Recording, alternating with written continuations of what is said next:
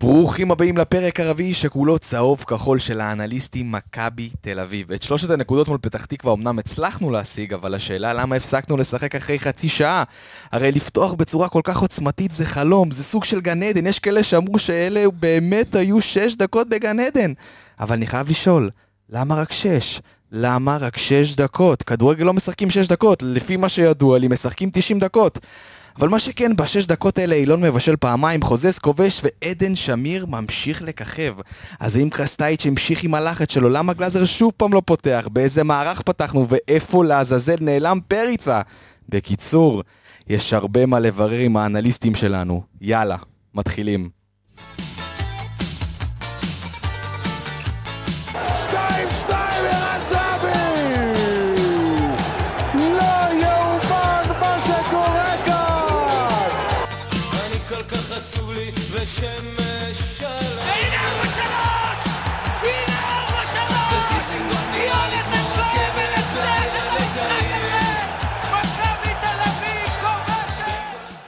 שלום, שלום, שלום לכל המכביסטים היקרים, מה קורה? חייב להגיד לכם שהשש דקות האלה בגן עדן, אני באמת חשבתי שיגמר הרבה יותר, אבל בסוף, אה, בסוף נגמר, כמו שכולנו זה היה יודעים. יותר משש דקות, היה לי לפחות 20-25 דקות שעפתי באוויר על המשחק שלנו. אה, היה את, השתי דק... את השש דקות האלה, את השני שערים, בשבילי זה היה כאילו, יאללה, 10-0.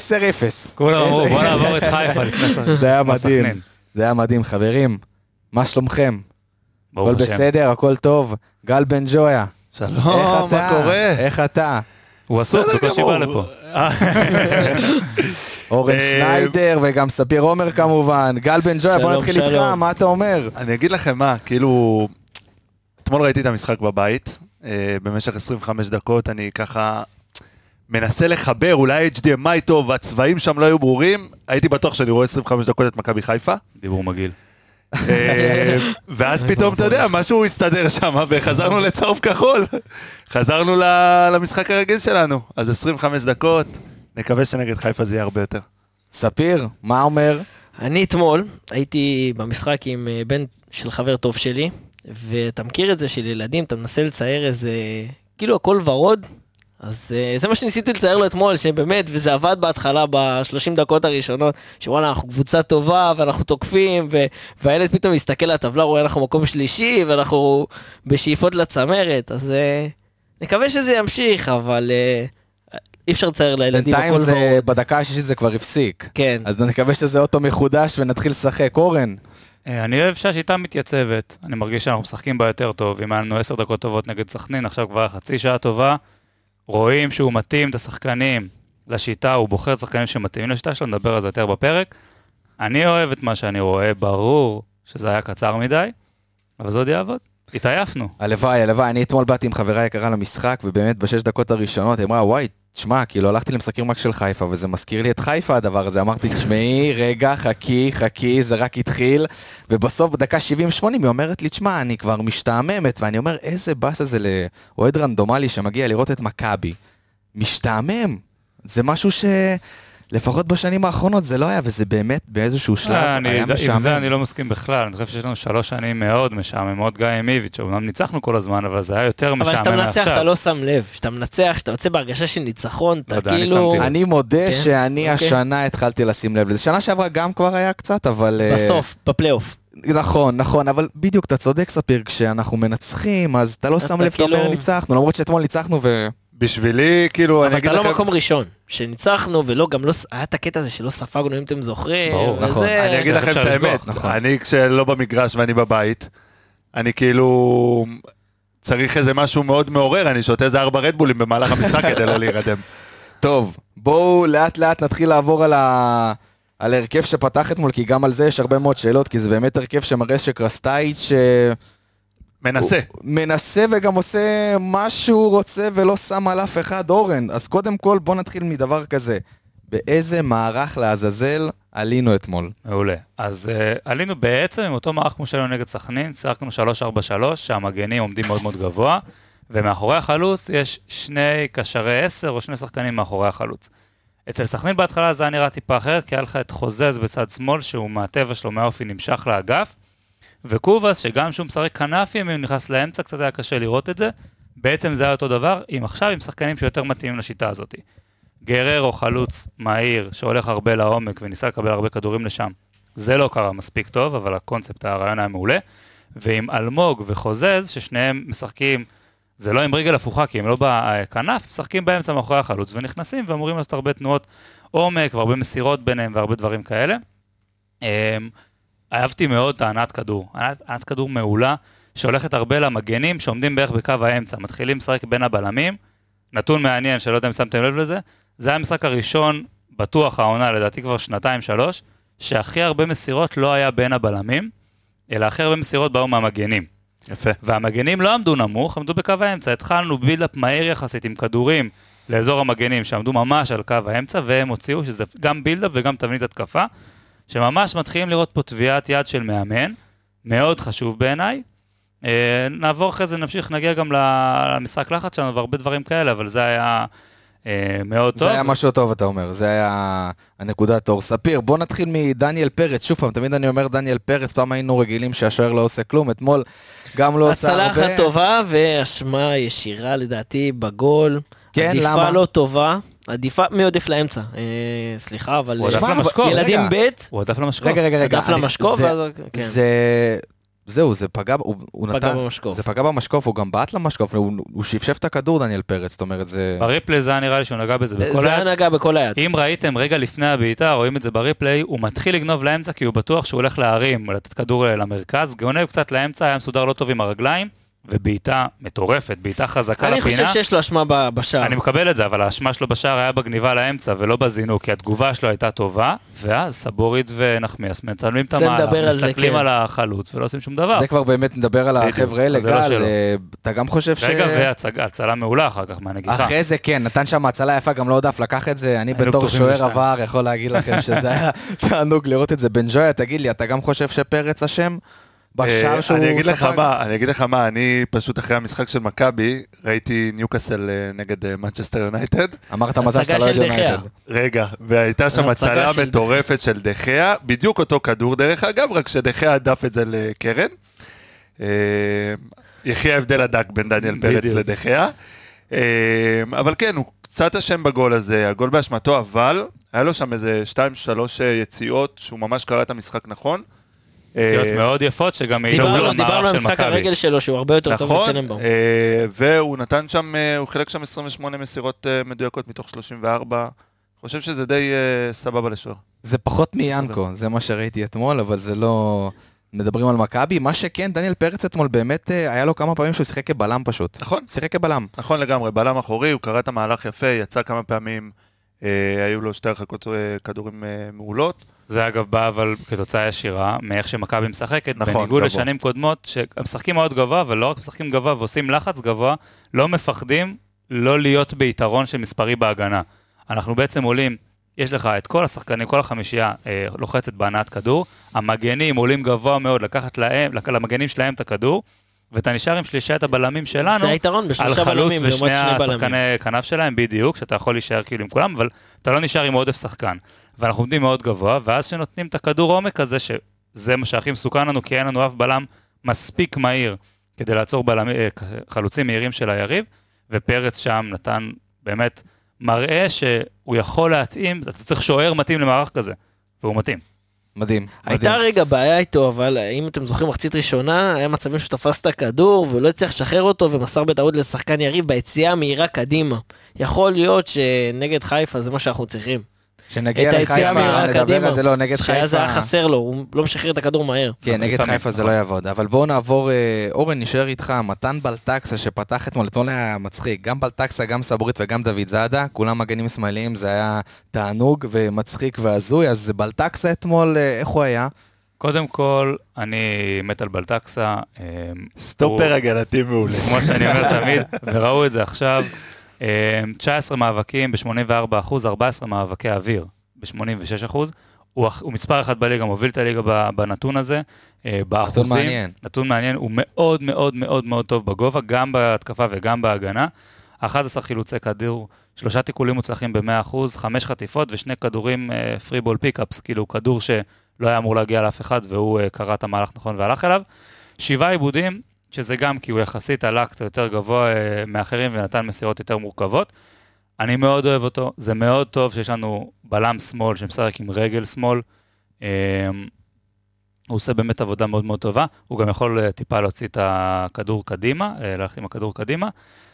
כל השלישייה הזאת, שכולם משחקים טוב ברגל סבורית, בלם, טוב, נגיע עוד מעט, אבל משחק מולה של בלטקסה. זהו, גם בלטקסה היה אתמול בלם כמובן, ואתה אמרת, אורן, לפני כמה פרקים, שבאמת מבחינת התפקיד לבלטקסה מתאים לשחק כבלם עם רגל שמאל, וזה באמת משהו שאתמול הוא הוכיח שהוא באמת היה לא רע גם לפי הנתונים שלך.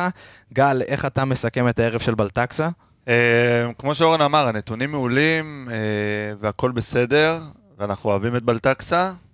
למכבי פתח תקווה זה מספיק. השאלה, נגד קבוצות אחרות, כמו מכבי חיפה, הפועל באר שבע, לראות איך הוא מתמודד עם שחקנים שהם קצת יותר מהירים, קצת יותר חזקים. אה, זה, זה באמת המבחן שלו. בואו, בסופו של דבר מדובר ב... אה, אני מציין רגע את ההתלהבות על הניצחון, והכל טוב ויפה, אבל מקום שיחקנו, אחרון. בדיוק, שיחקנו נגד מקום אחרון בליגה, במשבר מאוד גדול, במשבר פנימי מאוד גדול. אמ, אז עם כל הנתונים המוצלחים של בלטקסה, אני רוצה לראות אותו עושה את אותם דברים גם נגד מכבי חיפה והפועל באר שבע. אני חייב להגיד שאני דווקא, אתמול אחרי הניצחון לא הייתי שמח בכלל, והייתי, האמת, היה איזה באסה כזאת, כי ניצחת בקושי, וזה היה נראה לא טוב, ובאמת, כמו שאתה אומר, תמיד אנחנו מגיעים למצב שבו, רגע, רגע, אבל זה פתח תקווה, רגע, זה חדרה, רגע, זה סכנין. מה יהיה עם חיפה? מה יהיה עם באר שבע? אה, שוב, כשנגיע לגשר נחצה אותו, והגשר הזה בשבוע הבא, ובואו נראה באמת אה, את, ה, את השחקנים האלה, נגד אה, שחקנים קצת יותר אבל טובים. בלטקסה עשה את אותו דבר נגד סכנין, במשחק קודם, נגד מלמד, שזה אחלה שחקן עם משחק ראש, נגד קיאל, נגד גנאים, נגד... נגד. הקיצוני שלהם, שכחתי את שמו? סנטוס, לא, לא, קונאטה. קונאטה. עשה אה, נגד הרבה שחקנים טובים, הוא עושה את זה טוב, הוא אין הכי טוב בליגה. אין בעיה, בסדר גמור. אני מסכים איתך שהוא הכי טוב בליגה בזה. אני רוצה לראות אותו נותן משחק כזה, גם נגד מכבי חיפה. בואו נראה אם הוא יפתח יש שבוע הבא. לו שבוע הבא את עומר אצילי. זהו, כן, זהו, יש לו את עומר אצילי. סבורית, סבורית היקר אתמול פתח אה, כבלם, ספיר, איך סבורית היה? אה, הש- בוא נתחיל מזה שהוא אשם ישיר בשער, סגירה, אה, חלם, אבל אה, בוא לא נשפוט אותו כי זה לא העמדה הטבעית שלו. לא יודע אם הוא אי פעם שיחק בלם. אה, הוא שיחק כמה פעמים במכבי בלם בשלישיית בלמים, אבל לא מרכזי. בשלישיית בלמים אף פעם הוא לא היה מרכזי, נכון. נכון. אה, ארבעה תיקולים מוצלחים. אה, משהו ש... אחוז. במאה אחוז תיקולים. אה, משהו שאנחנו מצפים ממנו, אבל זה לא העמדה שלו, אני לא יודע מה קורה עם הרננדז, מה נסיבות אישיות, תשעה חילוצי כדור, אה, היו לסבורית אתמול. אתם מחייכים על הרננדז, אנחנו כאילו. כולם מתפללים ש... לא, סיבה אישית, באופן אישי, אני חושב שקרסטייט חושב שהוא לא מספיק טוב אישית, ולכן הוא לא שיחק, אני לא יודע מה... האמת שבהתחלה אתמול אמרו שהוא חולה, ואז אחרי זה התחיל המשחק, ואז אמרו שזה סיבות אישיות. כנראה קרסטייץ'. או קרסטייץ', או שהרננדז החליט באופן אישי שהכדורגל זה לא התחום שלו. טוב, נמשיך רגע עם סבורית. אה, 15 מאבקים, 11, 73, 11 שלו, 73 אחוזים אה, מוצלחים, זה סביר עדיין לבלם, ואנחנו מצפים ממנו הרבה יותר, ב- בין אם זה באוויר שהוא לקח רק, אה, מתוך שלושה הוא לקח אחד. גל, אבל שאלה, סבורית כבלם, זה משהו שיכול לעבוד גם בהמשך העונה? חד משמעית. כן, אה, אני אני, חולק אני, מאוד, עליך. אני מאוד אהבתי את זה. אה, אורן אה, אמר את זה לפני, אה, בפרק השני לדעתי, אה, על ההזזה של אה, סבורית מעמדת המגן לעמדת הבלם.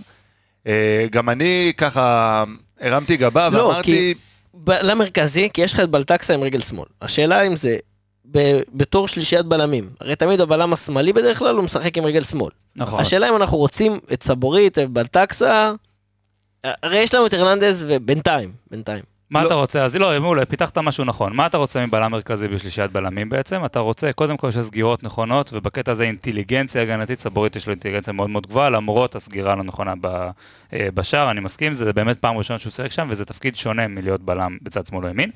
מה שעוד אתה רוצה ממנו, זה יכולת להוציא את הקבוצה קדימה עם הכדור, כשלוחצים עליך, או כשנותנים לך איזשהו קצת להתקדם, ואז שמישהו ישבור את ה... את יעבור את הקו הגנה הראשון, כשהם לא לוחצים אותך. ובזה הוא מעולה.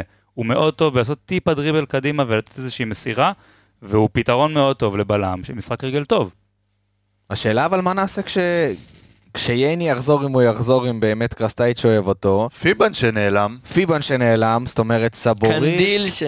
אה, טוב, קנדיל. קנדיל אבל זה, כן. כן, זה צד שני, אבל אה, אם נגיד ייני חוזר, פיבון חוזר, אז סבורית זהו, נגמר הסיפור מבחינת הבלם.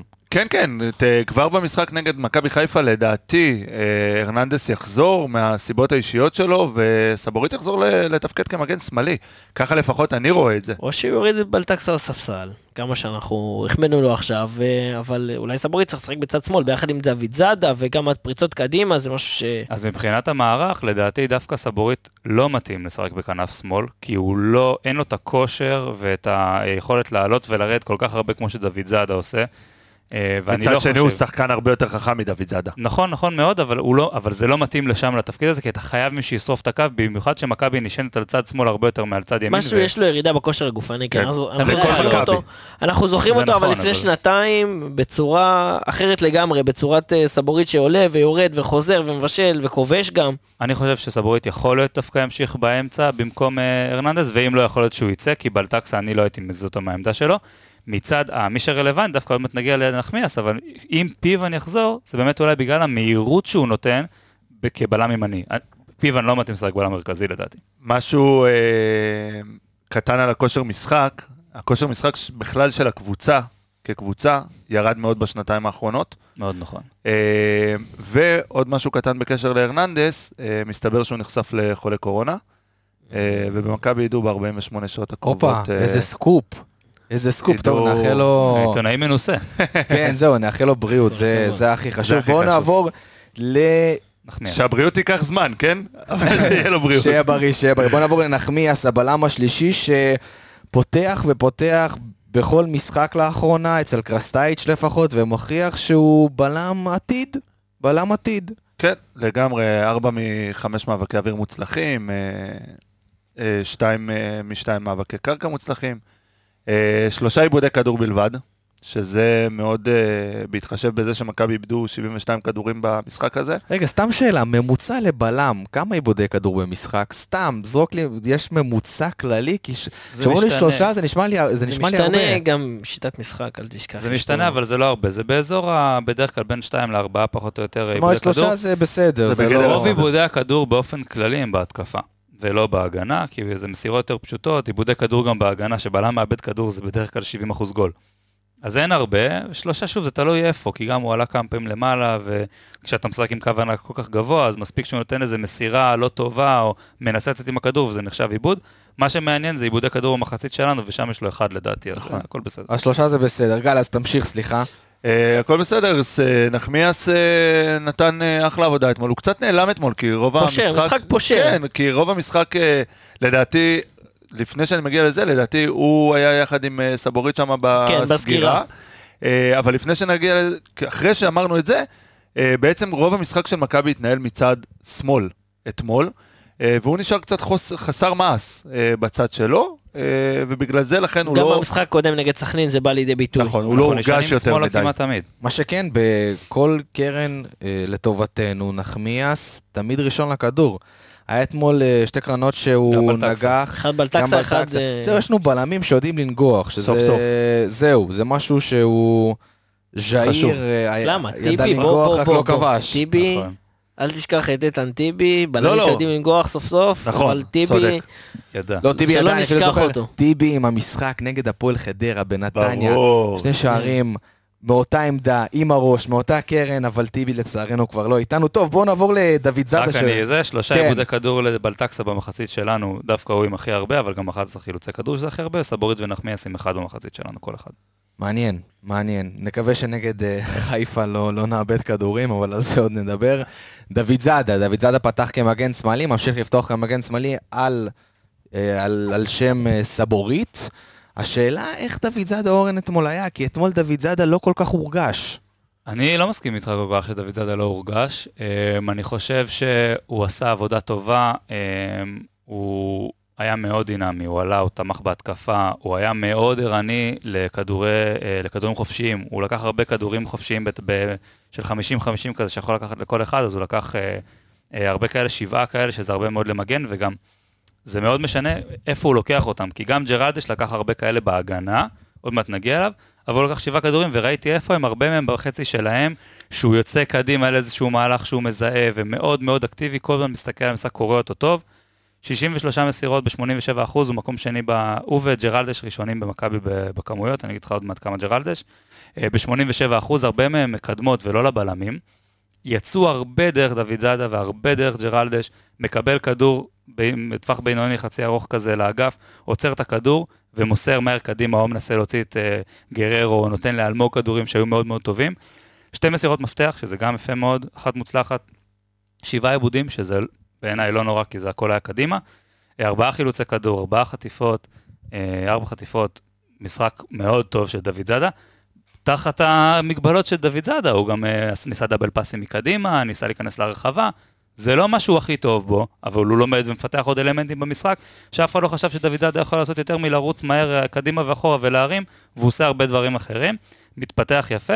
להגיד לך שזה האידיאל בעמדה הזאת למכבי, הייתי שמח מאוד לקני סייף שם, אבל... קני אה, סייף בתור... אה, מדהים, בתור. קשר שמאל על כל הצד. לדעתי מדהים, אבל לא משנה, מישהו יותר אבל טוב זה מדוד אוריינטציה זאדה. אחרת, כי פה אנחנו משחקים עם מגנים שהם... עם שחקני כנף שהם מגנים. ספיר, מה אתה אומר על... אה, מה קורה? הופה, גל בן ג'ויה מדליק לנו פרסומות באמצע הפודקאסט. מכניס כבר חסויות, חברים. חשבתי שמישהו פרץ לנו, כן. הכניס לנו איזה פרסומת. היה פה הלם, אבל כן חברים, זה פרסומת אה, וזה בסדר גמור, ואנחנו אוהבים פרסומות. גל בן ג'ויה, תן לנו עוד בפרסומות פעם הבאה, אנחנו נהנה מזה מאוד. ספיר, דוד זאדה, כן. דוד זאדה. אפשר להגיד שזה היה משחק אה, התקפית. אני חושב שיחסית לסבורית העונה הוא הרבה יותר טוב. נגעת כבר בכל הנתונים, אבל היה מצבים שהוא נכנס. הוא נכנס לעומק, והוא נכנס... אה, והוא נותן דאבל פאסים, דיברת על דאבל פאסים שהיו לוקים, אבל אני חושב שהדאבל פאסים האלה זה משהו חיובי שאפשר לנצל מאוד. אותו, ואפשר להמשיך איתו, ומשהו ד- שדוד זאדה עושה מצוין. אה, אני חושב שזה משחק וזה פושר, אלמנט חדש פושר, שלו. אבל התקפית אני חושב שזה היה משחק טוב. הגנתית, לא במערך, לא היה צריך אותו יותר. במערך שלושה בלמים, כן, הגנתית אנחנו לא צריכים. אני אדבר רגע בתור אה, פשוט אוהד שהיה במגרש, היה את השש דקות האלה שבהתחלה באמת דוד זאדה הורגש שם, ואז אני מודה עוד פעם, אני לא מדבר עכשיו על נתונים, אני מדבר נטו כאוהד שישב ביציע, שש דקות, שני שערים, מרגיש את דוד, דוד זאדה, סטו. לא, לא, הוא הרבה פעמים עלה גבוה וקרא, אה, צריך לראות את, את הוידאוים שלו, איפה הוא חילץ כדורים, איפה הוא חטף, איפה הוא אה, תפס אה, פרי בולס, וזה הרבה בחצי שלהם, הוא קורא את המשחק נכון מאוד, הוא יוצא מהר, הוא אקטיבי, הוא רואה איזשהו כדור, הוא רץ אליו מהר ולוקח אותו כי הוא גם יחסית מהיר, ומוסר מסירות נכונות וטובות, אה, מפעיל שחקנים בצורה נכונה. שוב, היית רוצה משחקן... השילוב שלו גם בתור שחקן אגף, ביחד עם השחקן כנף שמשחק מלפניו, לא שחקן כנף, קשר מאחורי החלוץ, שזה זה לא, ההבדל אם גם. אני מדבר על אלמוג, על אלמוג אלמוג. לא שיחק בכנף, אלמוג שיחק באמצע אה, מאחורי החלוץ. אפשר להגיד. אוקיי, זה כמו שבוע שעבר שדיברנו על אה, קניקובסקי ועל חוזז, אז הם היו איתו ביחד שם. אבל זה מאוד, הם שיחקו היום אה, באופן מובהק כן, יותר זה היה שונה. בין בואו רגע, ארבע, רגע, שתיים. רק בואו נתרכז בדוד זאדה, דוד זאדה, כי היום אנחנו אז צריכים למהר. החיבור שלו עם השחקנים, כן. האלה במרכז מגרש, קיצוני, הם בדרך כלל כאלה, הוא מצוין. נכון. גם העומק, גם הכניסה, אני מאוד אוהב את הכניסות שלו לעומק, אני מאוד אוהב את זה שהוא תמיד איכשהו, מצליח איכשהו להיכנס לעומק, לקבל את הכדור הזה שכל הקהל עושה אה, וכל הקהל קם בצורה כזאת. אה, אני מאוד אוהב את, אה, את דוד זאדה החדש, נקרא לו ככה, לא, שלא לגמרי, יחזור לישן. איך, אה, אני לא זוכר, נראה לי זה היה נדב יעקבי שאמר אה, אופיר אה, מרדונה דוד זאדה. כן. במשחק זה- נגד אוסטריה. בדיוק, זה לגמרי איזה משהו חדש. אמרתי לפני שאנחנו צריכים למהר, למה אנחנו צריכים למהר? כי אנחנו צריכים להספיק לדבר על חיפה.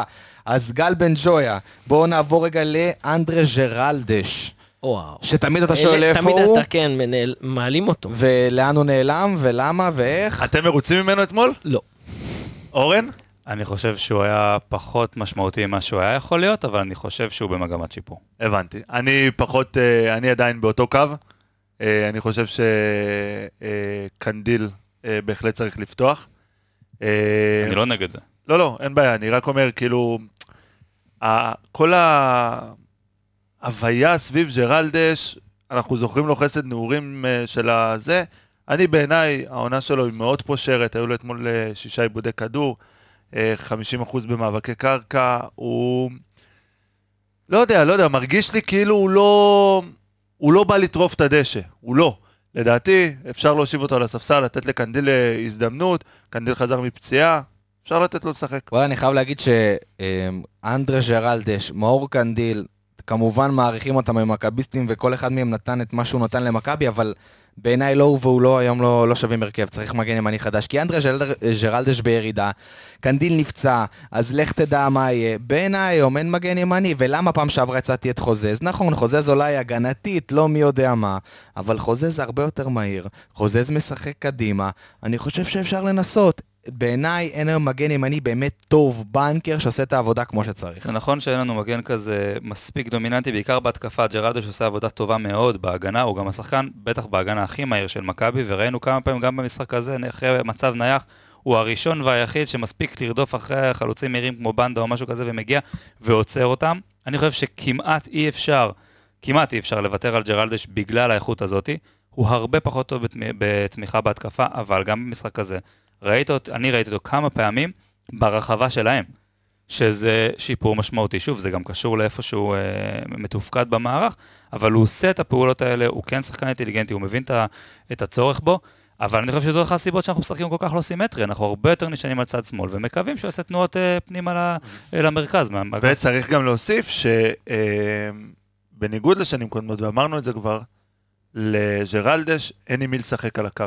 זאת אומרת, השחקן שנמצא... אה, הפעם זה היה חוזז, אפשר לשחק עם חוזז על כן, הקו. אבל זה אבל לא... עדיין הוא לא הצליח. בדיוק, בתקופה לא. הטובה זה היה אצילי. בדיוק, חוזז נכנס הרבה פעמים ל- לאמצע ומשאיר את הקו טוב לג'רלדש. נכון, זה טוב, אבל ג'רלדש לא עושה את התנועה הזאת מספיק. אתה מבין? עם אצילי, היה לו שם את הדאבל פאסים. הם הוא ידעו לוקה גם... בחסר מאוד בהתקפה, אבל סתם לדוגמה, נגד חיפה זה בדיוק השחקן שאתה רוצה שם, שמאוד טוב הגנתית, קצת פחות תומך בהתקפה, הכל בסדר. בואו נראה שרלדש יהיה נגד חיפה. טוב, בואו נעבור לקישור. וספיר, אני פונה אליך כי עדן שמיר, אני חושב שאתה... יש לך חיבה, יש לך חיבה נכון, אליו. יש לי חיבה אליו, האמת יש לך שכל החבר'ה שלי. ביציע בגול, פשוט, אה, זה הגול השני, שם אלמוג בעט וערנות, באמת, קפצו עליך ערנות. כאילו אתה אבא של עדן שמיר, בקיצור. כן, כן, האמת שכן, גם בסוף המשחק אמרו לי, אתה צריך לקבל חולצה שלו, אז אני שומע. אה, מספר 18 גם זה היה, מה מספר יש של לך- טיבי. מה יש לך להגיד לנו לגבי הנתונים? המצטיין, הוא המצטיין, תחלקו עליי, או לא לא. תחלקו עליי? יופי. דווקא פה אני אה, חושב כן, אף אחד לא יחלוק עליך. עדן שמיר באמת מפתיע לטובה. אה, האמת שבנתונים, אם אנחנו מסתכלים, אורן גם יאשר אותי, שהנתונים כאילו זה עשרה, עשרה מאבקי כדור מוצלחים. אה, משחק כזה, שאתה, אם אתה מסתכל על הנתונים, זה די פושר. 19 מאבקים. 19 מאבקים, עשרה מוצלחים. אוקיי, כן. אה, זה, אם אתה מסתכל על הנתונים זה די פושר, אבל מה שהוא נתן שם על המגרש, הריצה הזאת, אם זה היה קטע במחצית הראשונה, שהיה שם פספוס של שחקן של פתח תקווה בתוך הרחבה, הוא רץ, מגרש שלם, אני השתוללתי, אני חייב לציין ביציע, אוקיי, הם יצאו מתפרצת, ופשוט הוא בא ונתן גליץ' וחילץ את הכדור. ראו את זה גם אני במצלמה השתוללתי ביציע. התמקדה עליו, הוא חייך שהוא אה, קם, זה היה לפני הגול שלהם, זה היה ב-2-0 עדיין. דווקא, אני מאוד מאוד מסכים איתך שאנחנו מדברים הרבה על נתונים, ויש פה איזושהי השוואה שעשיתי שמאוד מראה שצריך להיזהר גם איך משתמשים בנתונים. כולנו נסכים ששמיר היה יותר דומיננטי בהרבה מקניקובסקי, ששיחק מחוץ לעמדה שלו כקשר 6 יותר ולא מאחורי החלוץ כמו שנוח לו. כן, אבל במערך שלושה בלמים, אתה לא יכול להגיד שזה שש, אתה יכול להגיד שזה שמונה, ולא, ולא שש. זה, הם, משחקים בין מדרגה, נדבר שנייה על מדרגות בקצרה, נסביר אלה מדרגות במגרש, יש לך את מדרגה אחת שזה הבלמים פחות או יותר, מדרגה שתיים זה מי שמשחק מנג'ר, זה ה winger שהוא טקט בין הקשרים למגנים, או ה-DMC. היום במכבי זה כאילו שני המגנים. נכון, שני המג... אז רגע, נגיד את זה עוד שנייה, מדרגה שתיים אז זה שמה, איפה שה-DMC או הווינגר, השחקן הגנה, המגן הגבוה. מדרגה שלוש זה הקשרים באמצע, מדרגה ארבע זה ה-AMC, מי שבין החלוץ לזה, ומדרגה חמש זה החלוצים. אני חושב ששניהם משחקים מדרגה שתיים, שלוש, איפשהו באמצע בין הדבר הזה, הם לא מדרגה שלוש, הם יותר קצת אחורה. אני חושב שמדרגה שלוש, כי אנחנו משחקים גבוה. נכון, אוקיי? אז אז- המגנים משחקים שלוש אם ככה? זה נכון, קצת משתנה נכון. בין הגנה להתקפה בבילדה במדרגה כזאת. בכל מקרה, הוא כן קשר אחורי יחסית, הוא בטח לא קשר קדמי כמו שהוא רגיל, ורואים שזה קצת יותר קשה לו. מה שאני אומר אבל, המספרים שלו לא רחוקים בכלל משל שמיר. קניקובסקי עם 61 מסירות ב-87%, שמיר עם 55 מסירות, פחות מקניקובסקי, ב-91%. שניהם בעטו פעמיים לשער, קניקובסקי רק אחרי שהוא עלה לשחק קשר אה, קדמי, אה, אחרי החילופים. אה, פעמיים קניקובסקי למסגרת ושמיר רק פעם אחת, שזה מאוד הפריע לי אצל קניקובסקי. שהוא לא עלה מספיק, אבל זה לא גם עלה בתפקוד מספיק, שלו. נכון, זה התפקוד שלו והוא לא עלה מספיק והוא לא איים על השאר הוא עלה מספיק. פחות משמיר, למרות שהוא באוריינטציה יותר התקפי. רגע, אבל בואו נתרכז בשמיר, בואו. נדבר על שמיר, אני- בואו נמשיך עם אנחנו כבר שמיר. נדבר על שניהם שני בהשוואה ביניהם. איומים אה, למסגרת של שמיר, אחד נכנס, ערנות, נכון. הערנות שלו שם זה... אה, אה, אילון אלמוג בעט הכדור לשער, בואו לא... זה כן, לא ברור, בישול, ברור, זה ברור. בישול, אבל זה בישול ב... אבל זה ערנות, זה... פשוט הוא קפץ על הכדור, ומה שאתה מצפה משחקן במצב נייח, אה, שיקפוץ על הכדור וייקח אותו ויעשה שער. אני רוצה רגע להמשיך כן, עם ההשוואה. הסטטיסטית ביניהם. בכל הפרמטרים בינתיים מאוד דומים, מבחינת עיבודי כדור וחילוצים, שניהם, קניקובסקי ושמיר. שני עיבודי כדור, קניקובסקי עם שישה חילוצים, שמיר רק עם שלושה. שוב, זה עניין של איך מסתכלים על המספרים. קניקובסקי עם 14 מאבקים ב-50%, שמיר עם 19 מאבקים ב-53%, מאוד דומה. שני דריבלים מוצלחים לכל אחד מהם. קניקובסקי תפס אה, שבעה כדורים חופשיים, מה שאמרנו, כדור של 50-50, שמיר חמישה. קניקובסקי עם שבעה תיקולים ב-43%, ושמיר שבעה תיקולים ב-57%, שניהם אפס מסירות מפתח. נתונים מאוד דומים, משחק שונה לגמרי. נכון. שמיר עשה קילומטראז' אין לנו, וזה חבל. המון עבודה, היה הרבה יותר דינמטי, נראה הרבה יותר אגרסיבי. אה, הוא מרגיש יותר בנוח בעמדה הזאת מקניקובסקי וזה ניכר, אבל צריך להבין שהמספרים לפעמים טיפה משקרים, טיפה אה, מטעים אותנו, ויש דברים שזה מעבר לזה וגם עליהם צריך לדבר. אה, שמיר מאוד טבעי בעמדה הזאת, מאוד טוב בעמדה הזאת, קניקובסקי קצת הולך לאיבוד, ועדיף לת- לתפקד אותו טיפה יותר גבוה. אה, זה מה שראינו במשחק הזה על שניהם. גל. סכם לי את עדן שמיר ככה מאיך שראית אותו. אה, אני לא חושב שיש מה להוסיף יותר מדי, אורן באמת נתן פה את כל הנתונים, נתן את כל ה... גם את ההשוואה לקניקובסקי. וכן הייתי פותח עם שמיר גם במשחק נגד חיפה, אה, כחלק משלישיית אה, אמצע חזקה. אה, קניקובסקי, יש לך משהו להוסיף? כן, קניקובסקי, אני אגיד לכם מה, אה, למרות התפקוד שלו, ורק השתי איומים לשער, מתחיל להרגיש לי שאנחנו מקבלים פה דור מיכה. שחקן טוב, בלי יותר מדי מספרים. זה הרגשה שלי ככה לפחות. צריך לדבר גם על ה-XG של אה, קניקובסקי. רגע, אז בוא רגע פעמיים- נעצור רק, עוד- אורן רק תסביר מה זה ה-XG עוד פעם, ה-XG זה מעניין, תסביר לחבר'ה שלא לא יודעים מה זה XG, זה שוב, חשוב. ה-XG זה נתון סטטיסטי שפיתחו לפני כמה שנים, אומר אה, מכל מצב, מכל אה, בעיטה שהייתה לכיוון השער, מה הסיכוי להבקיע לפי המהירות של ההתקפה, אה, ל- או הכדור עוצמת הבעיטה. עוצמת הבעיט- עוצמת הבעיטה זה נכנס לזה? כן. איפה, מאיפה זה בעטו, השחקן בועט ברגל חדשה או רגל חזקה, אה, המרחק מהשער, כמה שחקנים היו בינו לבין השער, כל מיני דברים כאלה. העוצמה שהכדור הכדור גם מגיע לשחקן. אם הגיע- הכדור מגיע בדריבל או... או- הרבה נתונים, גם כל חברה מחשבת את זה טיפה אחרת ומשתמשת בנתונים שונים. מה שזה לא מתחשב במי השחקן שבועט. לצורך העניין, מאותו מצב תשים שם את אה, איתן טיבי או את ערן זהבי, ה-XG אותו דבר, הניצול של ה-XG זה כבר קשור ליכולת של. השחקן. ספירה, סליחה, אז דבר. ה-XG הוא 0.05 של קניקובסקי. שתי בעיטות למסגרת. כשאתה מסתכל על השחקן שאתה אומר, הוא בעט פעמיים למסגרת, אה, אתה אומר, בואנה, הוא, הוא התקיף. הוא כאילו בתור קשר אמצע, אתה אומר הוא התקיף, אבל אתה רואה את הבעיטות, הטיב של הבעיטה, האיכות של הבעיטה, כאילו כל פעם יוצא לו איזה דרדלה כזאת שהשוער כאילו אוגר את הכדור, כאילו קוטף את הכדור בקלות. אבל זה מה שאנחנו תמיד אומרים כבר בכל הפרקים שהקלטנו, שקניקובסקי מוכשר, טאלנט, כן. אין מספרים. אבל דור שני- מיכה. שתי- דור מיכה, כן. הוא כן. שחקן לא, כל כך דור שונה מיכה, היה מדור לו מיכה, גולים זה כל כך קשה. גדולים, כל דרך כך דור מיכה.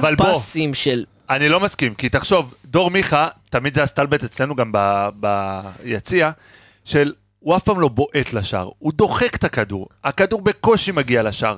היה לו אולי איזה 2-3 גולים שאתה תופס את הראש. ואתה אומר, וואו, מאיפה לא הביאו את זה, זה... כן, דור מיכה לא מגיע- לא מגיע לשער מה-16. נכון. ספיר, אתה היסטוריון, היה משחק של מכבי תל אביב, אם אני לא טועה, נגד דינמו קייב באיזה 2013, שדור מיכה נתן- שם פצצה. פצצה, וזה השער היחידי שלו שהוא נתן פצצה. נכון. למה אני זוכר, בואנה, אני זוכר דברים, בואנה, יפה. לא יפה, רע, יפה. לא רע, לא רע. רגע, לגבי קניקובסקי, קודם כל שתי הבעיטות שלו הגיעו רק אחרי, רק דקה 75 ומעלה, אחרי שהוא עלה לתפקד מאחורי החלוץ במקום אלמוג, אחרי שהיה חלק מהחילופים, ולכן זה שוב, זה קצת משקר, כי הוא לא שיחק בעמדה הטבעית שלו במשחק הספציפית. לגבי ההשוואה מול דור מיכה, הם שחקנים כל כך שונים, שחקן הרבה יותר אגרסיבי, קניקובסקי, הרבה יותר דינמי, אה, עובד מאוד מאוד אחרת, ודור מיכה גם היה לו מספרים מעולים, פשוט רק בישולים, בלי שערים. בסדר, רוב הזמן. וקניקובסקי מתחיל אה, זה, נכון. כמה, יש לו את השלושה ארבעה בישולים כבר נכון. אבל הסגנון שלהם מאוד מאוד שונה. בואו לא, לא, נקווה. שקניקובסקי ייתן גולים, זה אני חושב הכי חשוב, שייתן גולים. משמעית. דיברתי קצת, אנחנו כל כך מחכים לגול הראשון שלו בליגה. כן, זה יהיה טירוף, בואו נקווה שזה זה יהיה בקרוב. נגד חיפה, חברים. בואו נקווה אתה- שזה יהיה נגד הימור? חיפה. זה הימור? אתה יודע מה, רבי, בסוף נרשום? את זה כהימור. בסוף נרשום את זה כהימור. בואו נעבור לאילון אלמוג, שאתמול אה, אמרו שבשש דקות הנהדרות שלו ושל מכבי הוא הזכיר את שבי. פה אני אמרתי לעצמי... את מי? את שבי, כן, חברים. אני קראתי השוואה בין אילו- אילון אלמוג לצ'אבי. זה מצחיק, אותי זה הצחיק. חבר'ה, לא בסופו של. דבר, סך הכל בישל פעמיים, יפה, כל הכבוד, סטטיסטיקה נהדרת, הכל טוב ויפה, אבל הוא נעלם. בסדר, בסדר, נעלם בשער בישל. המשחק. זהו, אז איזה צ'אבי ואיזה נעליים, כאילו, בישל, כל הכבוד, מה הלאה, גל? כאילו, מה? אמ, תראה, אני, אני, אני פעם שעברה שלחתי את אלמוג, אה, בפרק הקודם שלחתי את אלמוג... אה, להפועל חדרה? בדיוק, להפועל חדרה, הפועל חיפה, you name it. אמ, הפעם היה לו שני בישולים, כמו שאתה אומר, שלוש מארבע מסירות מפתח מדויקות, שלוש מארבע דריבלים מוצלחים. אה, הבישול הראשון שלו היה בעיניי ענק. לאו דווקא בגלל הבישול, כמו הפעולה שהוא עשה לפני הבישול. הוא ביטל שם שחקן של מכבי פתח תקווה בנגיעת כדור. אהבתי מאוד לראות את זה. כשהוא משחק מהר, בלי, בלי יותר מדי אה, דריבלים מיותרים. דאווינים או דריבלים מיותרים, יש פה שחקן, יש עם מה לעבוד. ואתמול הוא הראה את זה. כשהוא שיחק מהר, הוא חילק מסירות מעולות. כשהוא התחיל להתמהמה קצת עם הכדור, והתחיל, לק... שוב, חזר לקבלת החלטות איטית, ראינו את אלמוג של פעם, של לפני שניים, שלוש וארבע זהו, אבל משחקים. ספיר, שאלה, האם זה לא חד פעמי, הבישולים האלה? אני אולי זה חושב חד ש- פעמי, אני ונגמר הסיפור. האמת שבוא נזכיר את המשחק נגד הפועל מרמורק, אוקיי, הוא גם בישל פעמיים, נכון. הוא לאט לאט, מת- הבישול השני, אני לא יודע. אני לא יודע איך זה לא מחשיבים את בישול. זה בישול, אני לא יודע איך מחשיבים את זה מסכים. בישול. תסכימו איתי שזה לא באמת בישול, הוא ניסה לבעוט לשער מקילומטר, כמו שהוא ניסה גם נגד הפועל מרמורק לבעוט מקילומטר לשער. אה, אבל זה נחשב כבישול, והוא לקח את זה. לא, תראה, זה טוב. אין לנו הרבה שחקנים שבועטים מרחוק את הכדור לכיוון השער. זה טוב, אלמוג עושה את זה, הוא עושה את זה די הרבה גם, וזה טוב לנו, טוב למכבי זה גם לא שיש... משנה איך סופרים את הדבר הזה, בסוף כמו שאמרתם, אולי זה, מחשיבים לו את זה כבישול, למרות שזה לא היה שום דבר, אבל היה לו מסירות מעולות לחוזז, וגם מסירה טובה אחת לגוארו, שלא יצא מזה גול בסוף, אז זה לא היה בישול, אבל זה אחלה מסירות, היה לו הרבה מסירות מקדמות טובות מאוד, יש לו 25 מסירות. אבל הוא נעלם. אחרי ש- הוא מאוד לא 25 יציב. דקות שמכבי חזרה כזה, אפשר להגיד אחורה, נעלמה במשחק, הוא נעלם. ואתה מצפה משחקן כזה, שהוא כאילו נחשב תגלית, ואנשים אומרים שהוא פוטנציאל לא. עצום.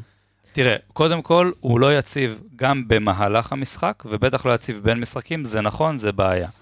אני חושב ששוב, היה לו 30 דקות טובות, ולא אה, 6. כל מכבי, אחרי 30 דקות, מאוד מאוד התעייפו. הדרך משחק הזאתי, שמכבי שיחקה עם ה, באמת לחץ מאוד מאוד גבוה, ורצים אחורה, ורצים קדימה, נכון.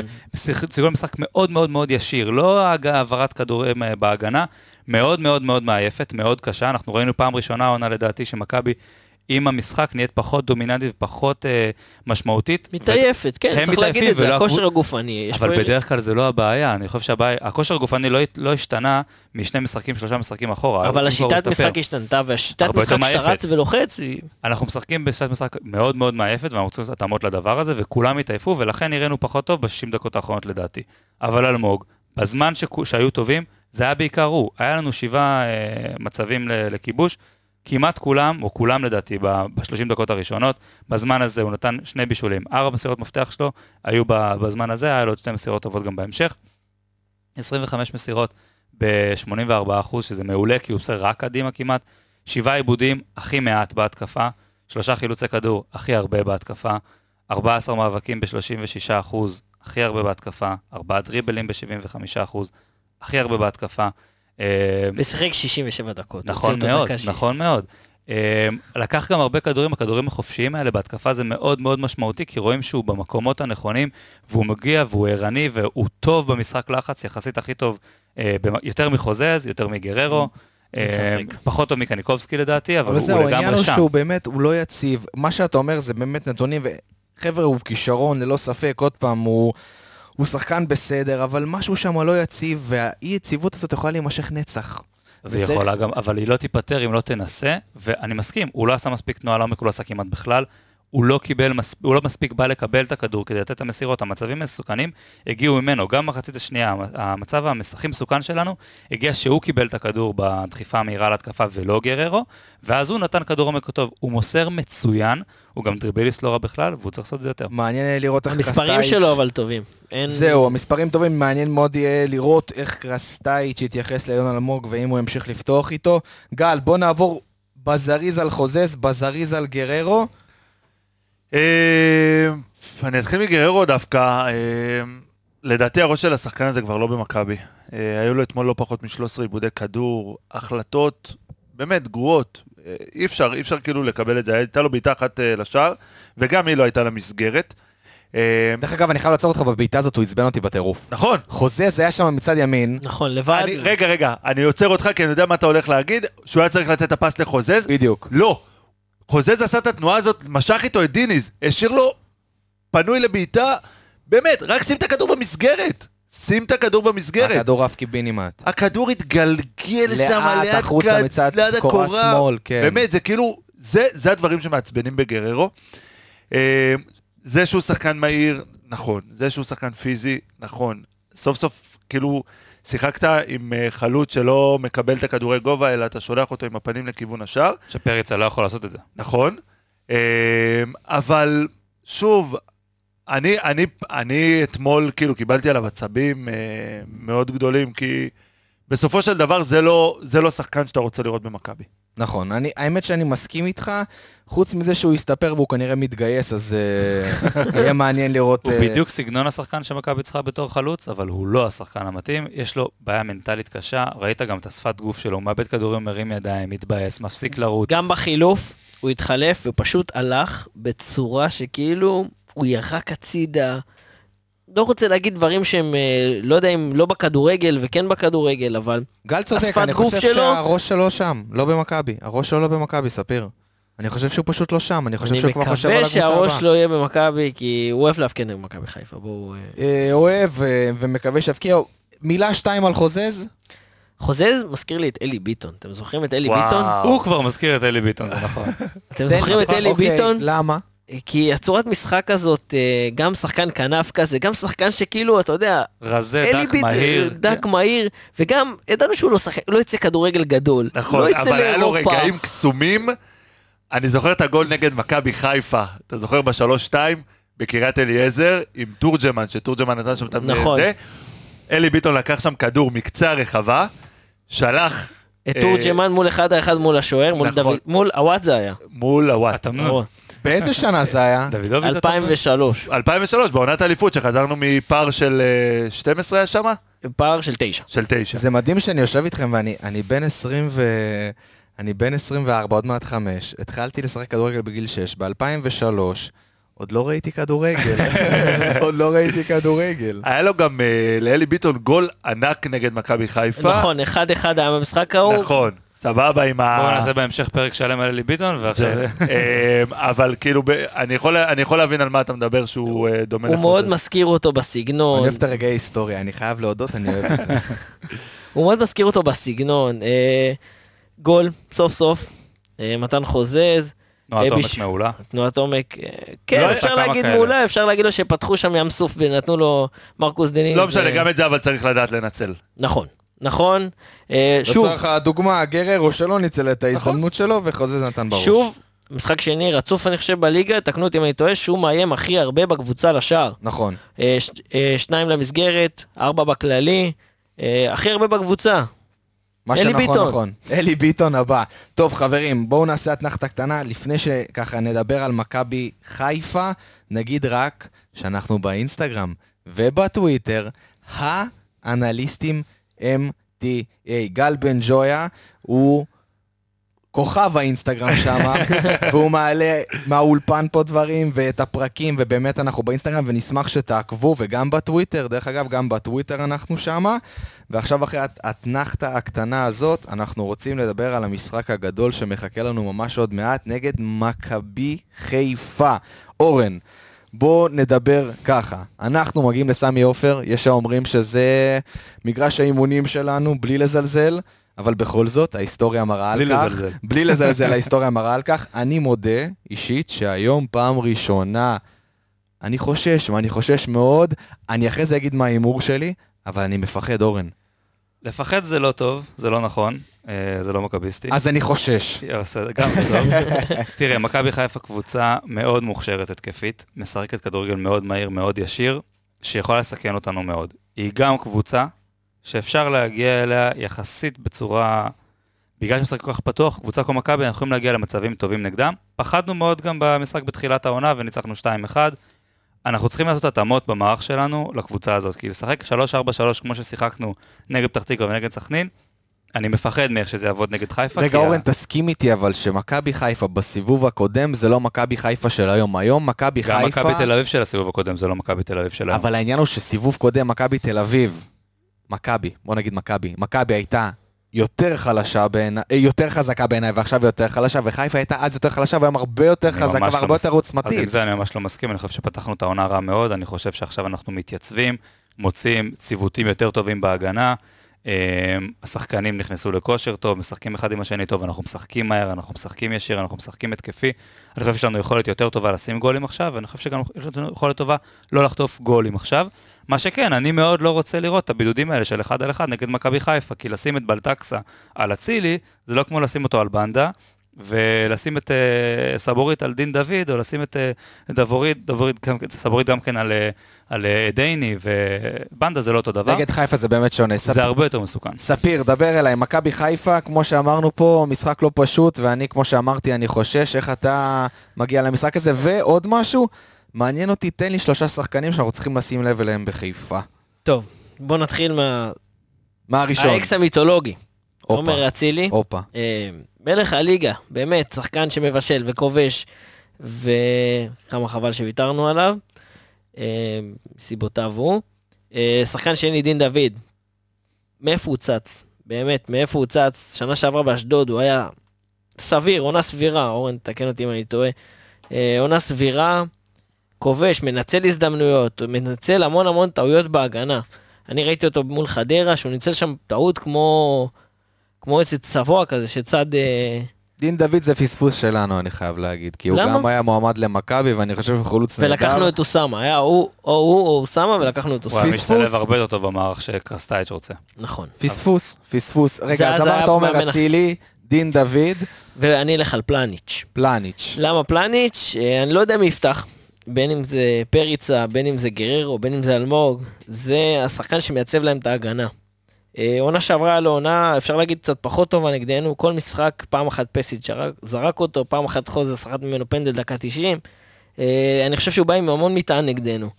לא יודע, מרגיש לי, גם בסמי עופר בעונה הקודמת הוא כבש גול, ספק פאול, ספק לא פאול. אה, אני מרגיש שהוא בא עם מטען נגדנו והוא יבוא חדור מטרה לא לספוג. גל, יש לי שאלה. מה מנצח, אה, כדורגל טוב או מסורת? קודם כל כדורגל טוב. אה, זה נכון שמכבי חיפה יעלו עם כל ה-33 משחקים ללא ניצחון על הגב שלהם. אה, ניצחו אחד בליגה, אתה זוכר את קגלמאכר ואת עטר? לא, 33 נ- נ- מאז, לדעתי. אתה מדבר על אלוף האלופים אולי? לא, אני מדבר על ליגה?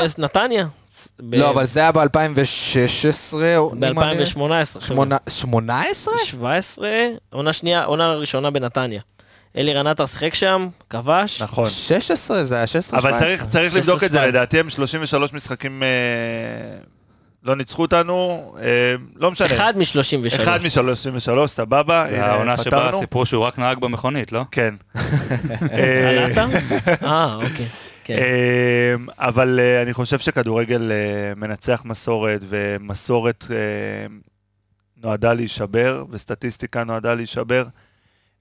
ואנחנו מגיעים, בואו בוא נשים את הדברים על השולחן, אנחנו מגיעים למשחק הזה במצב לא מי יודע מה בלשון המעטה. יהיה קרב מטורף לדעתי, מכבי צריכים לעלות באמת כאילו עם, עם כל האש שבעיניים וכל הרעל וכל הזה. אני חושב שהדבר הכי גרוע שמכבי יכול, יכול לקרות לה בסמי אושר, זה שהם ייתנו גול ראשונים. אני חושב שזה הדבר הכי גרוע שיש. אני לא בטוח בכלל, זה יכול להפחיד את חיפה, אבל בוא נדבר מעבר ל... אני, שנייה רגע, אני פחות חושב שזה זה, כי אה, ברגע שמכבי אה, שמים גול ראשונים, הם אוטומטית, אתמול היה הבלחה ככה בשש דקות נתנו שתיים, אבל זה מאוד טביעת יד של מאמן. מכבי הולכים אחורה, אבל אה, אני, אני כן אשים רגע, רוצה לשים את הדגש על אה, שלושה שחקנים במכבי חיפה שהם אה, לדעתי, ביטלת אותם, ביטלת את מכבי חיפה, שזה רודריגז, זה אבו פאני וזה אצילי. אה, ברגע ששלושתם תדאג לשים עליהם שחקנים כמו גולסה, אה, שמיר וחוזז, או אלמוג על אה, רודריגז, אה, אני חושב שזה יגדיל את הסיכויים שלך לנצח. זה מאוד יעזור, וזה שרודריגז מנהל להם את המשחק, זה, הוא בונה את המשחק מצוין. הבעיה שהוא עושה את זה היום, זה בעיה ויתרון, אבל הוא עושה את זה מאגף, מאגף ימין של ההגנה הרבה פעמים בזמן האחרון, זה מה שצופים שהוא יעשה במשחק הזה. סן מנחם אמור לפתוח בשמאל הבנתי, והוא בימין. בכל מקרה, אם רודריגז ינהל את המשחק כמגן מאחד האגפים, זה נקודת תורפה שאנחנו יכולים להשתמש בה, כי הוא נכנס לאמצע עם הכדור, ואז יש איזשהו חור בהגנה. אם אנחנו נשים שם שחקן מהיר וניתן את המסירות שאנחנו משחקים עכשיו, כדורגל מאוד מהיר, אה, אנחנו יכולים לנצל את החולשה הזאת, אבל מה שבאמת מעניין לראות זה איך אנחנו נשחק, האם גרסטייץ' יישאר עם ה-3-4-3 הזה שלו, של שני קשרים מאחורי החלוץ ושני קשרים אה, אחוריים הגנתיים יותר, ויוצר איזשהו box כזה אה, במרכז המגרש, שכשאנחנו דינמיים ומהירים ועדיין לא עייפים, אנחנו מאוד מתכווצים ועושים לחץ על הכדור באמצע, ומפריעים לבוא לאמצע, ועושים מגנים לחץ גבוה על המגנים, ומנסים לברוח לצדדים. זה עוזר לנו מאוד לצאת להתקפות מהירות. אה, אם נעלה ככה, אז זה מאוד מסוכן, בגלל שבהנעת כדור שלנו, אין לנו מספיק שחקנים באמצע, והשלישיית אמצע שלהם יכולה מאוד להפריע לנו בהנאה, ויותר קשה לעשות נגדם, אז נגד פתח תקווה, שדוד זאדה וג'רלדש בורחים מהמגנים שלוחצים עליהם, מצליחים להעביר את הכדור קדימה. צריך לראות אם הוא עושה פתרונות לדבר הזה, או אם אה, מכבי יצליחו לעלות יותר מדויקים מכל המשחקים האחרונים של המון עיבודי כדור, ונגד חיפה אתה תיענש. ספיר, יש לי שאלה אליך, על איזה שחקן אה, ממכבי אתה יכול להצביע ולהגיד, אני שם עליו את הכסף כביכול, שהוא יהיה השחקן שיוביל נו, אותנו? אני יכול להגיד עדן שמיר, ואתם... אבל... אה, הוא הוא לא ישים לך גולים. לא, אבל לא... אני מדבר על שחקן? ש... אתה יודע מה? עם. הראש, עם כן. הראש. לא, אני באמת שואל שחקן ממכבי שייתן, אתה יודע, שחקן שאפשר לסמוך עליו דווקא במשחק כזה נגד חיפה בסמי עופר, כשאתה מגיע בתכלס... אני, אני רוצה להגיד, קובאס, ואחרי שהוא נכנס מחליף אתמול, ודיברנו על זה בפרק הקודם, שהוא לא יכול לעלות כמחליף, אה, אני אומר לא. לא הוא, אבל אני, אם הוא ישחק, והוא אוהב את הקהל, וכולנו יודעים שהוא אוהב את האצטדיון המלא הזה, ואנחנו זוכרים גם מה הוא עשה לסן מנחם. כשהוא רק נחת פה. נכון. איזה הקפ- אבל איך הוא משתלב. ספר איך- קובאס משתלב לדעתך במערך הזה של אה, אני הייתי? משחק דווקא אה, חמישיית הגנה, איך אתה חושב שהוא אני, ישחק? אני חושב שהוא ישחק עם חמישיית הגנה, ושלישיית קישור, אה, גלאזר, גולסה, שמיר, יפה. גל, מסכים איתי. והשני חלוצים? והשני חלוצים, שני חלוצים. אה, דווקא לא פריצה ואלמוג, דווקא... אה, פריצה וסולשר. אוי, שמה זה... אולי הוא ייתן להם משהו, בבקשה שייתן להם פעם אחת איזה. מה- מי היית שם מקדימה? את אה, פריצה וקובאס. דווקא, אם אתם זוכרים, בדרבי מעניין. שיחקנו ככה, אז אה, ברק יצחקי שיחק ככה, למרות שקיבלנו את הגול מוקדם, ישבנו עליהם. אה, ישבנו עליהם, לא... אתה אומר לתקוף לא מאוד דרך. האמצע. לא אותם. קטשנו, ישבנו. אתה רוצה מאוד דרך האמצע לשחק כאילו? כן, אני מאוד חושב שהמרכז מגרש זה מה שיעשה את המשחק שלנו לפחות. בין אם זה חטיפות הכדור, דרך הנעת כדור שלה ממרכז מגרש, אני מאמין ששרי יפתח באמצע. ושרי, אפשר... תודה. אבל הוא לא עושה, אבל קובאס לא עושה לחץ, פריצה לא עושה לא, לחץ אבל אתה מספיק משחק עם טוב. שלישיית, קישור, שזה גלאזר, זה גולסה. שמיר וגולסה. זה שחקנים שמעולים מעולים בחטיפת כדור ויציאה קדימה. חילוץ. גלאזר פחות, אבל שמיר הוכיח את זה, וגם גולסה הוכיח את זה. אבל אתה משחק נגד אה, אבו פאני, אבו פאני. עם הכדור, עלי מוחמד, שמאוד קשה לקחת לו את הכדור. אבל אתה משחק גם מול שרי. וש- בסדר, אבל שרי לוקח, גם לשרי קשה לקחת את הכדור, עכשיו שוב, לשלושתם קשה מאוד לקחת את הכדור, אבל כשאתה משחק עם שלישייה קשה. כזאת, שהם גרזנים, הם לא שחקני כדורגל גדולים, הם גרזנים. אפילו לא הייתי פותח עם קניקובסקי אחרי היכולת החלשה שהוא מציג במשחקים האחרונים. אני פותח אם עם שלישיית קישור דפנסיבי. לא יודע, לא יודע איך תצא ממנו. חבר'ה, בואו נעשה ככה, בואו כל אחד מאיתנו עכשיו, אתה אמרת קובאס, גל בן ג'ויה, תגיד לי את השחקן שמבחינתך אתה... השחקן, שוב, הוא לא יתרום מבחינת אה, אה, מספרים, אבל הוא יתרום בעצם הנוכחות שלו על המגרש. יש רק אחד כזה, שרן יני. שרן יני. אני רוצה לראות אותו משחק, כי ברגע ששרן על המגרש, אני מקווה שהוא כשיר, אתה יודע, יש בדיוק. דיבורים על הכשירות שלו נכון. ועל ה... אה, ברגע שהוא על המגרש, לא יודע, כאילו, דאגה אחת פחות, כי יני, עם כל זה שאנחנו תמיד אומרים עליו, ושנים כבר אומרים עליו שהוא שחקן אפור, הוא מביא נשמה. במשחקים כאלה במיוחד, אני כבר מחכה לדקה 60 לראות אותו עם הסרט על הראש. אה, וזה זה השחקן בשבילי שאני הייתי מאוד רוצה לראות אותו ב- בסמי עופר. הלוואי. אורן, אייל גולסה. אייל אם גולסה. מישהו יכול לשנות את המשחק הזה, זה אייל גולסה, אם הוא יהיה אגרסיבי מאוד ב- בהגנה, ויצליח לעשות את הדריבלים שלו ולהכניס כדורי עומק לשחקנים שיעשו את התנועת עומק, אם נשחק עם אלמוג, עם חוזז אולי, קובאס לא יעשה את ריצות אומץ, אבל עם גררו, אם מישהו מהשחקנים האלה יהיה, וגולסה יצטרף יחד איתם להתקפה וייתן להם כדורים טובים, אולי קניקובסקי ואלמוג מקדימה מאחורי החלוץ, הוא יכול לשנות לו. הוא שחקן שיכול לגרום לנו לנצח. אז אני איתך, אני גם חושב שאייל אם גולסה... שרן לא תפסיד אולי, גולסה יכול לגרום לך לנצח. אהבתי. שרן וגולסה באמת החבר'ה המנהיגים של מכבי, ואיזה והם כיף. לא שיחקו איזה במשחק כיף בין האחרון. אורן שניידר לגל בן אחר כך ג'ויה. תהיה נשיקה מי שרוצה ב story.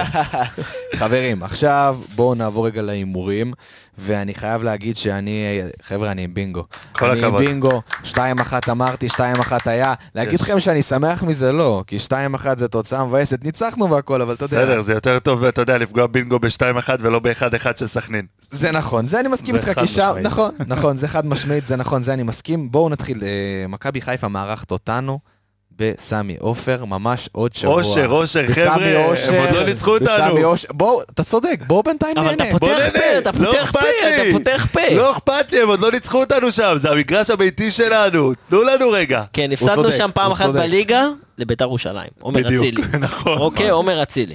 רק והנה- אה, נותן לכם אנקדוטה פרק קטנה. 2, עונה שנייה הוא חוזר. טוב, ספיר עומר, מה התוצאה שלך? אה, אני אתחיל אנחנו מסיפור מהיר, מהיר, מהיר. מהיר, מהיר. אשתי כן. אוהדת מכבי חיפה, יושבת בצפוני, מי שלא יודע. אה, הבטחתי לה שאם אנחנו מנצחים, אני שוטף כלים ועושה כביסה שבוע, אז תרשמו. אם- אנחנו מנצחים, אם אנחנו מנצחים. מעניין. יפה, זה הפוך על הפוך. זהו, זה אוקיי. הפוך על הפוך, זהו. אז אני אאמר אה, שאנחנו מנצחים, ואנחנו מנצחים אה, 2-1. עם יד על הלב אתה אומר, אנחנו עם מנצחים יד על הלב אנחנו 2-1. מנצחים. שנייה, רגע, רגע. מה אתה מקבל? אם זה? הם מנצחים. אה, היא שוטפת כלים ועושה כביסה שבוע. אהבתי. גל בן ג'ויה, האם גם אתה לא תצטרך לעשות כביסות? אני, חבר'ה, אשתי אוהדת הפועל, בואו, זה לא... זה הרבה יותר גרוע. אה, אני הוגדרתי פה כ- כסקפטי, כאילו, אחרי האחד אחד עם סכנין, ואמרו לי מה, וזה, ו... ופגעת. ופגעתי. ו... אני אגיד לכם את זה ככה, אני באמת מאמין שמכבי תנצח. לא. כאוהד עכשיו. באמת, לא כאוהד. אני חושב שאם הם יבואו מספיק אגרסיביים ויהיו לכל כדור ראשונים, כמו שאתה אומר, דווקא בגלל שזה בסמי עופר, ודווקא בגלל ה-6-0 נגד סכנין, הם יבואו, חיפה לדעתי יבואו קצת באופוריה, ואנחנו כן נוכל לפגוע בהם. אני הולך על uh, משחק uh, רב שערים. 3-2 מכבי. וואו. חייב להגיד שברגע הזכרנו שדיברת, ה... ב-2003 את אמיר תורג'מן. נכון. אני חייב להגיד שדיברת, ריגשת אותי מאוד. היה פה מכביזם. גם אז היה פה מכביזם. הגענו עם הקוף על הגב, עם תשע הפרש. בדיוק. אבי נימני ירד, ניקלינגר הוריד אבי נימני לספסל. ונתנו את השלוש-שתיים. אני, שוב, אני, אני באמת חושב שדווקא זה שזה בבית של חיפה, עם הקהל שלהם, עם הלחץ, משהו שיכול לש- לשחק לטובת מכבי. אורן, אה, אני חושב לגמרי שיהיה over בגולים, זה הכי, הימור הכי בטוח שלי.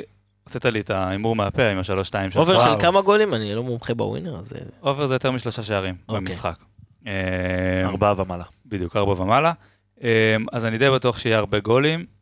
אני מאוד רוצה להמר שלוש-שתיים למכבי, מותר לי להמר כמו גל? כמובן, כמובן. שלוש- שלוש-שתיים וואו, מכבי. וואו. וואו, איזה חברים, כיף האמת- לחלוק האמת, הימור. כולם כולם אנחנו כאילו אופטימיים. ב- אני זהו? אתה אה? חייב להיות הצד הפסימי. אתה זהו. להיות. 1-0 קטן. אני אגיד לכם, כולם אופטימיים, ואני חייב להגיד לכם שאני אופטימי, אני תמיד אופטימי, וגם ברגעים הכי פסימיים שיש, אני האדם הכי אופטימי שיש, וכשנכנסתי לפה לפני ההקלטה, אתם זוכרים כמה אמרתי שנגמר, אבל אם נדבר מהאופטימיות שלי, אני באמת חושב שננצח, כי אני מסכים עם כל מה שאמרתם. כמה ננצח? אוי אוי אוי. שלוש אחת. זה ההימור. שלי השלוש אחד. זה ההימור, גנבתי לך. לא. אבל אה, באמת עכשיו, להגיד את האמת, אנחנו לא באים כפייבוריטים, אבל אני חושב שזה יתרון. שזה יתרון עם הקהל שלהם, הם באים באמת אחרי ה-6-0, כמו שגל אמר, וזה... מצד שני, הם גם באים עם הקטע הזה, שהם רואים צהוב בעיניים והם מפחדים, והם רוצים סוף סוף לגמור את הסיפור הזה, אבל אני עדיין מאמין שננצח. לא רואה סרט שאנחנו חוטפים פחות משתי גולים. וואו. זה- כן, כן, זה... לא רואה סרט כזה.